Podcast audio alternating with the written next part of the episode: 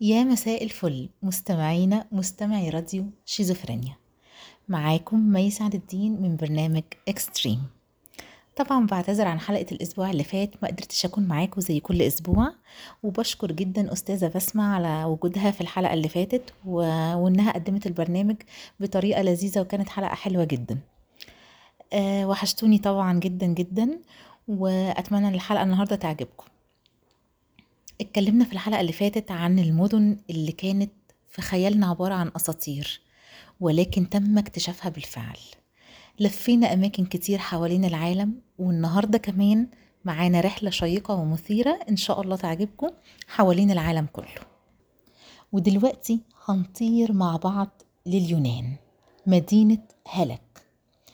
كتب هوميروس عن مدينة هلك الأسطورية اللي كانت موجودة في إكيا في اليونان قال إن ليها اتنين من أوجه التشابه مع مدينة أطلانتس.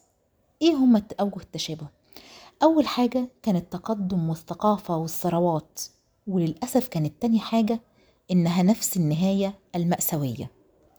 ونظرا لموقعها الساحلي المتميز كانت مركزا اقتصاديا وثقافيا وسياسيا مهما جدا. حتى إنها انضمت إلى اتحاد من 12 مدينة مجاورة في حكومة دبلوماسية موحدة. وفي إحدى الليالي في شتاء العام 373 قبل الميلاد تم طمس مدينة هلك بأكملها في ظروف غامضة. في السجلات تم التوثيق لمشاهد غريبة قبل الكارثة زي ظهور بعض الأعمدة أعمدة هائلة من اللهب تخرج من باطن الأرض وزي الهجرة الجماعية للطيور ودي طبعا حاجة كانت غريبة وخروج الحيوانات الصغيرة من من الساحل لأعالي الجبال وهروب كمان جماعي وتدافع سكان المدينة للمواني. وكان أحد الاحتمالات في وقتها إن زلزال كبير بعد تسونامي حصل في خليج كورنت. والزلزال ده قام بالقضاء على مدينة هلك ومسحها من على وجه الأرض. وفي صباح اليوم التالي من هذه الكارثة وصلت للمكان فرق الإنقاذ ولكنها لم تعثر على أي من الناجين لحد العام 1988 أعيد اكتشاف المدينة من قبل اثنين من علماء الآثار واللي فضلوا يدوروا في المياه الساحلية لأكثر من عقد من الزمان. وعرفوا أخيرا إنها مدفونة تحت الأرض تحت أقدامهم مباشرة. طيب كيف حصل ده؟ في الواقع اكتشف العلماء إن زلزال تسبب بخلخلة في الأرض وكون جيوب عميقة وحول المدينة من مدينة على سطح الأرض إلى بحيرة. ومع مرور الزمن امتلأت المنطقة برواسب النهر اللي ظلت تترسب على قاع البحيرة إلى أن كونت أرضا صلبة من جديد. وده طبعا فسر لنا إزاي وصل موقع المدينة مرة أخرى فوق سطح البحر وإزاي ممكن تختفي مدن فجأة وإزاي بتظهر فجأة؟ ومن اليونان هنطير للصين مدينة زنادو قصر قبلاي خان. في عام 1278 كتب المستكشف ماركو بولو عن مكان بالصين يعرف باسم منغوليا الداخلية. كتب أوصاف مذهلة لإمبراطورية قبلاي خان. وكان أبرز هذه المواصفات إذهالا هو وصفه لمدينة زاندو التي بيطلق عليها الصيني الصينيون اسم جندو والتي تمثل قصرا عظيما للخان بحجم مدينة كاملة. كان قصرا رخاميا أبيض بتحيط به حديقة ضخمة جدا بعرض 26 كيلومتر زي ما كان بيقول ماركو بولو عنها. وبيتابع ماركو في حكايته عن القصر وعن الحديقة إنها كانت حديقة بتمتلئ بالنوافير وبالأنهار وبالحيوانات البرية. وكان بيقول كمان إن الخان كان لديه عشر آلاف حصان أبيض نقي السلالة في بهو القصر ده وكان بيحرسوا التنانين. باختصار كده كان جنة الملك على الأرض ولا مثيل له في أي مكان في العالم. وللأسف تم تدمير هذا القصر على يد جيش منغ في عام 1369 وقبل وقت طويل جدا من إتاحة الفرصة للأوروبيون إنهم يشوفوا القصر ده. زمان قوي في القرون الماضية أصبحت زندو مجرد أسطورة. ولم يتم ذكره في يعني كان بيذكر بس في كتابات الشعراء ولكن لم يرتقي عن كونه مجرد خيالات.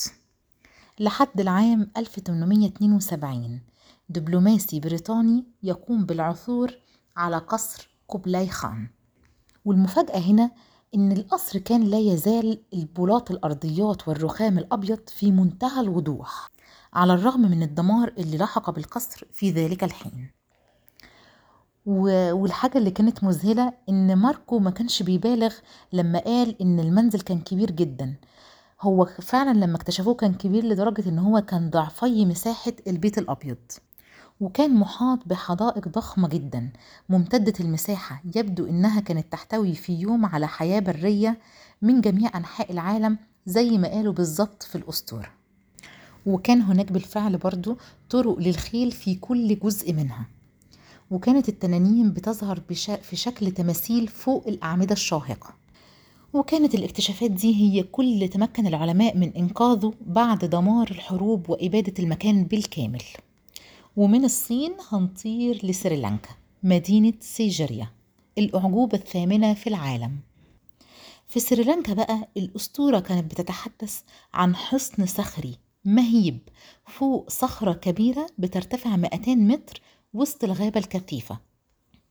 وده كان أكبر بناء بشري في تاريخ سريلانكا كلها. وكان بيشتمل على قلعة ملكية ضخمة جدا حدائق واسعة مسرح حجري نوافير ولوحات جدارية فنية. وكانت الأسطورة بتحكي عن الدخول للقلعة. كان الواحد اللي عايز يدخل جوه القلعة لازم يصعد درجا كبيرا يمر عبر فم أسد ضخم. تم نحته في الصخر. كل طبعا الكلام ده كان في الأساطير كان يعتقد إنها عبارة عن قصص خيالية. لحد ما وصلنا للعام 1890 بعد إعادة اكتشاف المكان أكد علماء الآثار إن الأسطورة كانت حقيقة. بما في ذلك الأسد الحجري اللي أمام الدرج اللي لازم نطلعه عشان ندخل لجوه القصر. حتى بعد قرون طويلة تعجب العلماء من التحفة المعمارية اللي أطلقوا عليها اسم قصر السماء. واكتشفوا كمان إن سيجيريا كانت مكانا استيطانيا للعامة من الناس لكن بعد ذلك أصبحت ديرا بوذيا. ولكن بطريقة غير مفهومة أصبح القصر مهجورا تماما في أحراش الغابة وتم نسيانه كليا لمدة 500 عام تقريبا لحد ما تم اكتشافه من جديد. في العام 2001 أعلنت اليونسكو إن سيجيريا هي الأعجوبة الثامنة في العالم واليوم ما تبقى منها هو مقصد سياحي شهير جدا. ومن سيجيريا هنطير على مصر مدينة ثونس الغارقة. مدينة ثونس أو مدينة تاهوني وهو النطق باللغة المصرية القديمة وعرفت باليونانية بعد ذلك بمدينة هيراكلون. بيظهر اسم مدينة هيراكلون تقريبا في كل أسطورة يونانية. في الأساطير اليونانية القديمة هي المدينة اللي نشأ فيها هرقل وهي كمان المكان اللي اختبأ فيه الأمير التروادي باريس وعشيقته هيلين قبل حرب تروادة. وزي معظم الأساطير لم يكن لدينا أي فكرة عن مكانها أو إذا كانت حقيقة موجودة بالفعل ولا مجرد أسطورة.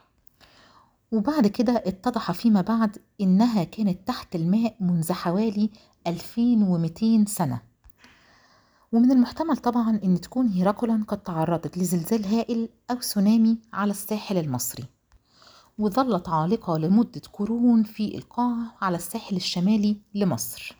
لحد ما جه العام 2001 جه عالم آثار كان بيبحث عن سفن حربية فرنسية تحت الماء.